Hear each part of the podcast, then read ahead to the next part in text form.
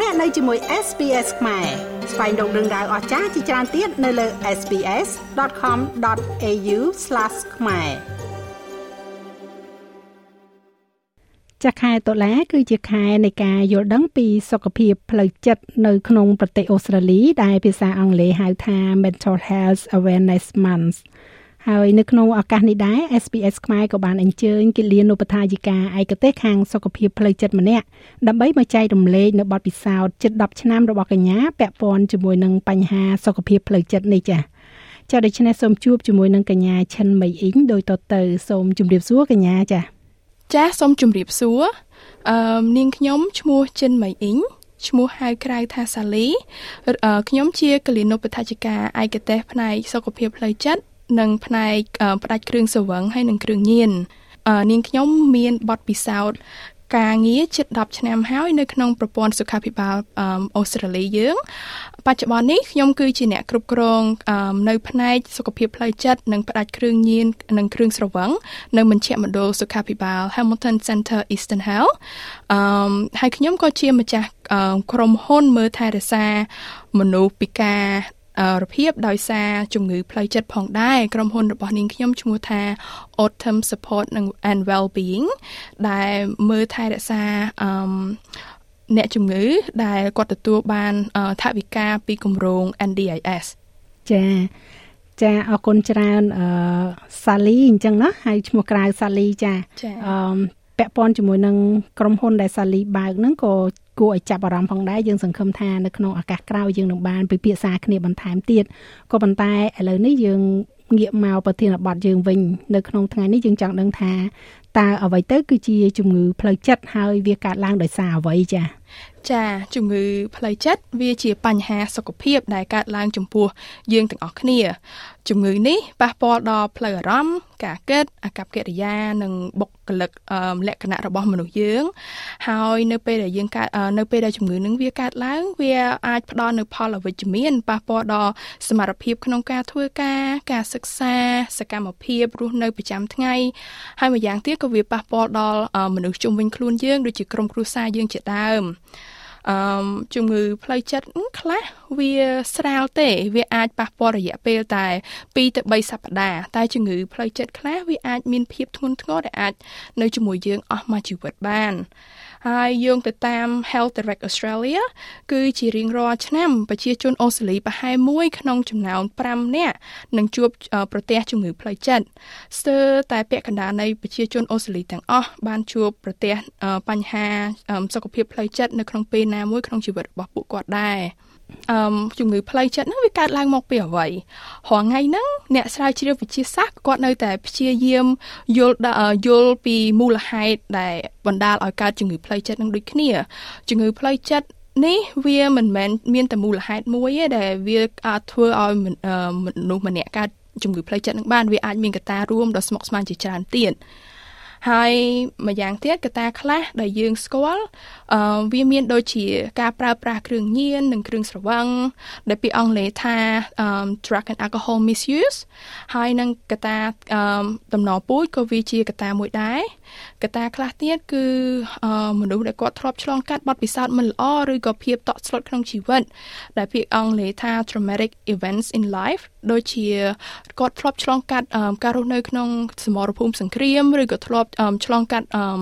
ការដូចជាប្រជាជនខ្មែរយើងជាដើមដែលគាត់ធ្លាប់រស់នៅក្នុងរបបប៉ុលពតហើយនឹងបទពិសោធន៍អវិជ្ជមានក្នុងវ័យកុមារភាពក៏វាជាកត្តាមួយដែរហើយកត្តាសង្គមខ្លះក៏វាអាចធ្វើឲ្យមនុស្សមួយចំនួនដែលគាត់មានការបាក់ទឹកចិត្តអញ្ចឹងណាហើយអ្នកខ្លះទៀតគឺគាត់កើតជំងឺផ្លូវចិត្តដោយសារតែគាត់ កើតជំងឺរ៉ាំរ៉ៃដូចជាឧបមាថាគាត់កើត stroke គាត់ដើរលែងកើតអញ្ចឹងធ្វើឲ្យគាត់ពិបាកចិត្តថាគាត់នឹងត្រូវចិញ្ចឹមគ្រួសារគាត់វាម៉េចហើយហ្នឹងក៏វាទៅជាកត្តាមួយទៀតដែលថាកាលណាយើងមានកត្តាហិរញ្ញវត្ថុក៏យើងធ្វើឲ្យយើងពិបាកចិត្តដូចគ្នា ចាយើងឃើញថាមានកត្តាច្រើនមែនទែនដែលបណ្ដាលឲ្យមានបញ្ហាជំងឺផ្លូវចិត្តនេះកើតឡើងតើយើងធ្វើម៉េចទៅដឹងថាឬក៏អាចចាប់អារម្មណ៍ដឹងបានថាខ្លួនយើងផ្ទាល់ឬក៏មនុស្សជាទីស្រឡាញ់ដែលរស់នៅជុំវិញខ្លួនយើងណាម្នាក់ហ្នឹងគាត់មានជំងឺផ្លូវចិត្តឬក៏បាក់ទឹកចិត្តហ្នឹងណាតើវាបង្ហាញនៅអាការៈរោគអ្វីខ្លះដែលយើងដូចថាអាចសម្គាល់ដឹងមុនបានទេដែរទេកញ្ញាចា ចាប្រភេទជំងឺផ្លូវចិត្តនីមួយៗវាមានរោគសញ្ញាផ្សេងផ្សេងគ្នាឥឡូវហ្នឹងខ្ញុំនិយាយជាឧទាហរណ៍សិនដូចជាអ្នកខ្លះគាត់មានការតមហាខ្លាំងណាវាអាចជារោគសញ្ញាមួយនៃអ្នកណាម្នាក់កំពុងតែមានបញ្ហាក្នុងការញ៉ាំឬក៏ការដែលគាត់មើលឃើញរូបរាងកាយគាត់ហ្នឹងមិនស្អាតគឺមិនល្អដូចគេហើយអ្នកខ្លះទៀត អឺគាត់ឮសំឡេងរំខានឬអ្នកខ្លះទៀតឮគាត់គេនិយាយជាមួយគាត់អញ្ចឹងណាអាហ្នឹងគឺជារោគសញ្ញាអឺពាក្យខ្មែរយើងថាជំងឺវិកលចរិតឬក៏ពាក្យអង់គ្លេសថា sign of um, psychosis ហើយអ្នកខ្លះទៀតគាត់មានអារម្មណ៍អស់សង្ឃឹមជាបន្តបន្ទាប់ជាពិសេសបន្ទាប់ពីការសម្រាលកូន អាចជាសញ្ញាមួយនៃការបាក់ទឹកចិត្តដូចគ្នាអាហ្នឹងគេហៅថាពាក្យអង់គ្លេសគឺ postnatal depression ហើយនឹង សម្រាប់អ្នកខ្លះទៀតមនុស្សដែលមានជំងឺធ្លាក់ទឹកចិត្តអាចមានភាពសោកសៅឬក៏មានអារម្មណ៍សោះកក្រោះចានិយាយទៅរោគសញ្ញានៃជំងឺផ្លូវចិត្តដែលសាលីលើកឡើងមិញហ្នឹងគឺឃើញច្រើនមែនទែនសូម្បីតែថា អ្នកដែលគាត់ដូចថាបារម្ភហួសហេតុពីរូបរាងកាយភ័យពីរឿងការឡើងទម្ងន់ឬក៏ចង់ធាត់ចង់ស្គមខ្លាំងពេកហ្នឹងក៏ជារោគសញ្ញាមួយដែរអញ្ចឹងអាចប្រាប់បានដែរដូចថាមាន រោគសញ្ញាដែលគួរចាប់អារម្មណ៍ហ្នឹងតែយើងគួរពិនិត្យមើលលើចំណុចណាខ្លះទៀតដើម្បីយើងដឹងថាយើងអាចថាមានលេចចេញនៅរោគសញ្ញាអស់នោះមកហើយ ចាអឺរោគសញ្ញាហ្នឹងវាមានដូចជា អ្នកខ្លះគាត់ប្រើប្រាស់គ្រឿងស្រវឹងឬក៏គ្រឿងញៀនច្រើនណាអឺដោយសារតែមូលហេតុខ្លះអ្នកខ្លះគាត់ពេលគាត់ពិបាកចិត្តគាត់ភាសាគ្រឿងស្រវឹងទៅដើម្បីឲ្យជួយគេងលក់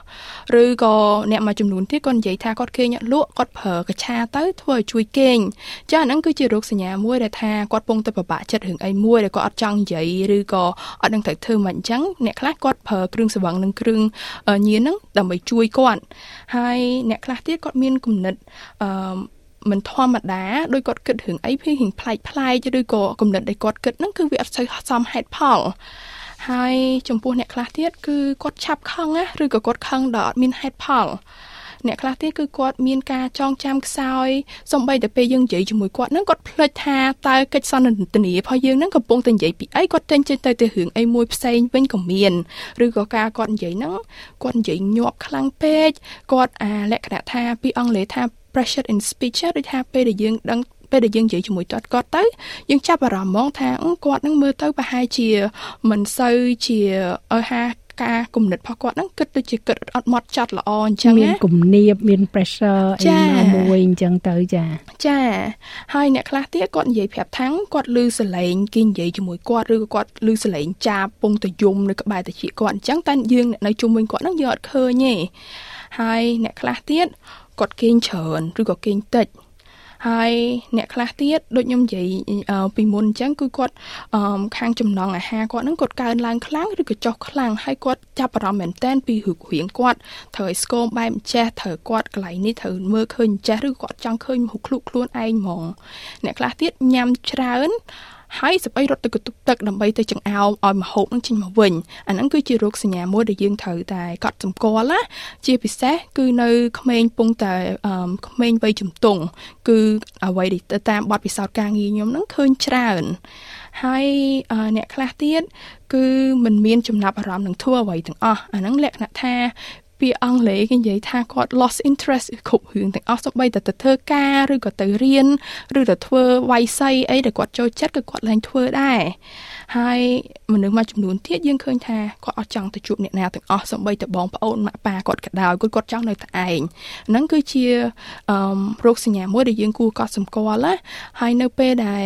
ឬក៏អ្នកចិត្តស្និទ្ធយើងក៏ឬក៏ក្រុមគ្រួសារយើងនិយាយថាគាត់គេញ៉ាក់សូវបានហើយគាត់ពិបាកចិត្តខ្លាំងយើងគួរតែចាប់អារម្មណ៍នឹងសួរណែនាំគាត់ថាគាត់មិនហើយគាត់ត្រូវការអីដែលយើងចង់ឲ្យយើងជួយគាត់អត់ដែរហើយអ្វីមួយដែលសំខាន់បំផុតគឺមនុស្សយើងគឺគឺពេលដែលគាត់ពិបាកចិត្តគាត់លែងមើលថែសារខ្លួនគាត់អាហ្នឹងគឺជាចំណុចមួយដែលសំខាន់បំផុតអ្នកខ្លះលែងងូតទឹកលែងបដូរកៅអៅលែងញ៉ាំបាយញ៉ាំទឹក គឺជារោគសញ្ញាដែលដែលខ្ញុំរៀបរាប់ខាងលើមកហ្នឹងគឺជាយើងគួរតែចាប់ចាប់អារម្មណ៍មើលនៅជុំវិញខ្លួនយើងហ្នឹងថាតើគាត់ត្រូវការជំនួយពីយើងដែរអត់ឬក៏យើងត្រូវ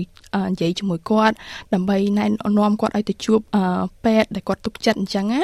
ចានិយាយទៅឲ្យយើងចាប់អារម្មណ៍មិនថាខ្លួនឯងឬក៏អ្នកនៅជុំវិញខ្លួនមនុស្សដែលយើងស្រឡាញ់យកចិត្តទុកដាក់ហ្នឹងមើលថា តើទម្លាប់ប្រចាំថ្ងៃគាត់នឹងមានការផ្លាស់ប្ដូរឬមួយក៏គាត់នឹងដូចថាយកចិត្តទុកដាក់លើរឿងអ្វីមួយជ្រុលឬមួយក៏គាត់លេងខ្វល់ពីអីទាំងអស់អីអញ្ចឹងណាអឺឥឡូវឧបមាថាបើយើងសង្ស័យថាខ្លួនយើងផ្ទាល់ហ្នឹងអឺ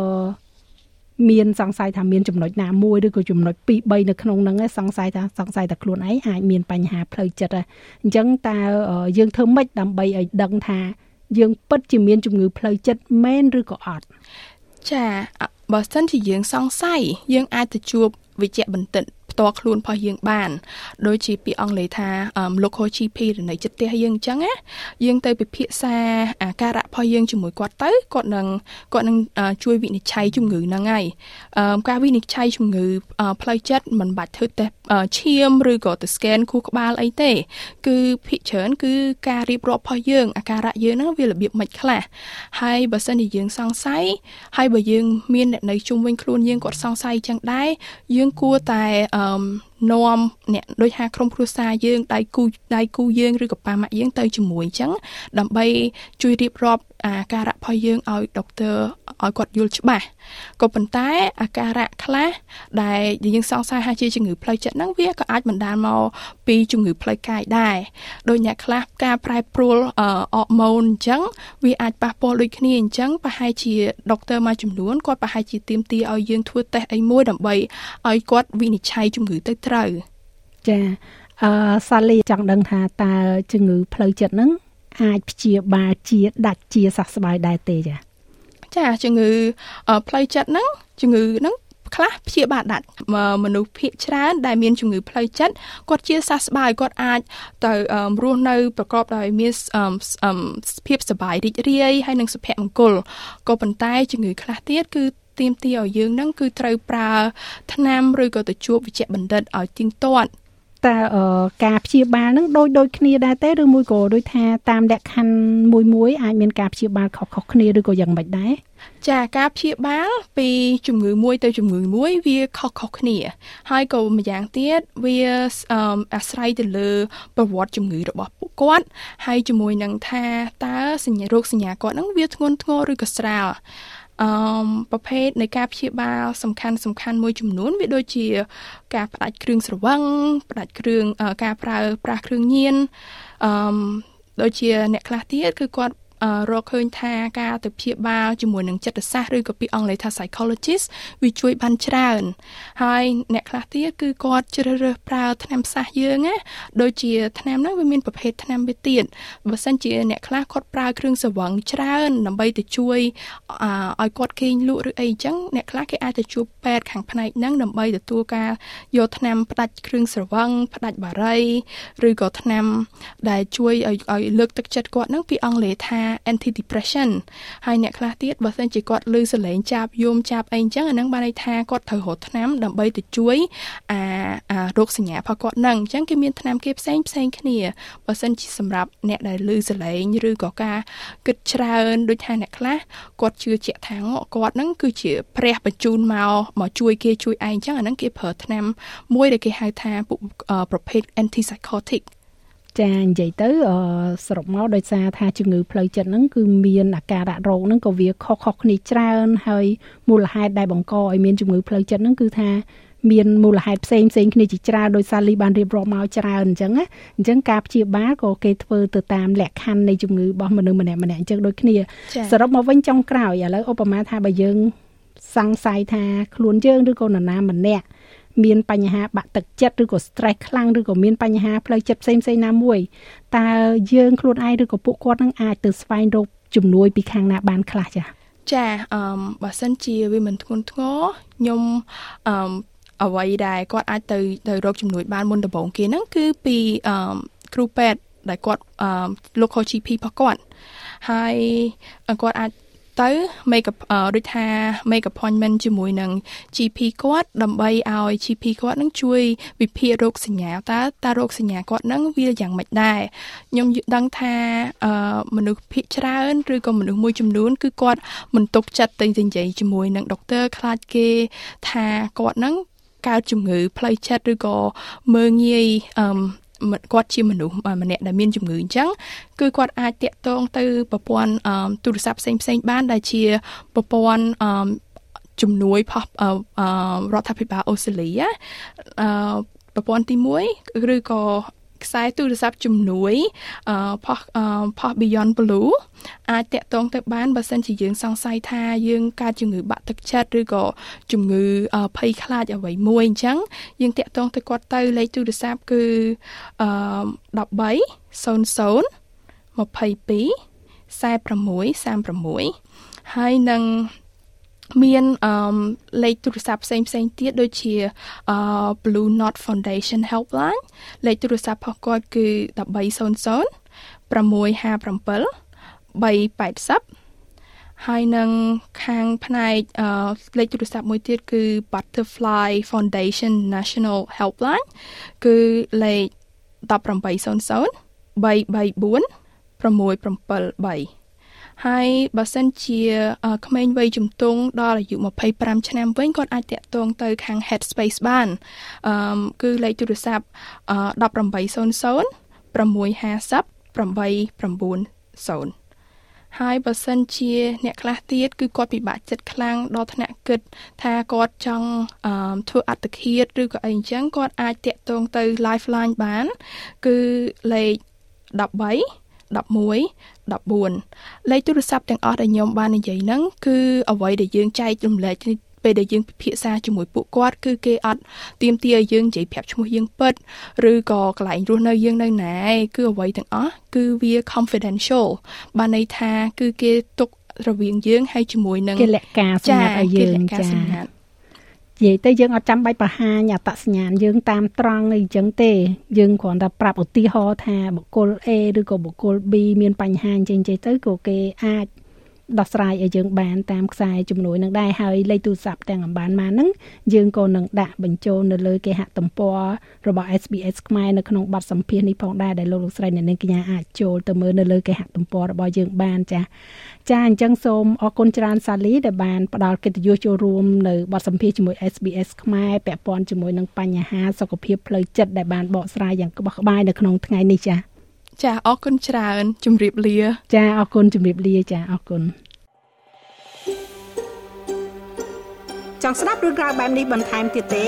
ស្ដាប់នៅលើ Apple Podcast Google Podcast Spotify ឬកម្មវិធីដទៃទៀតដែលលោកអ្នកមាន។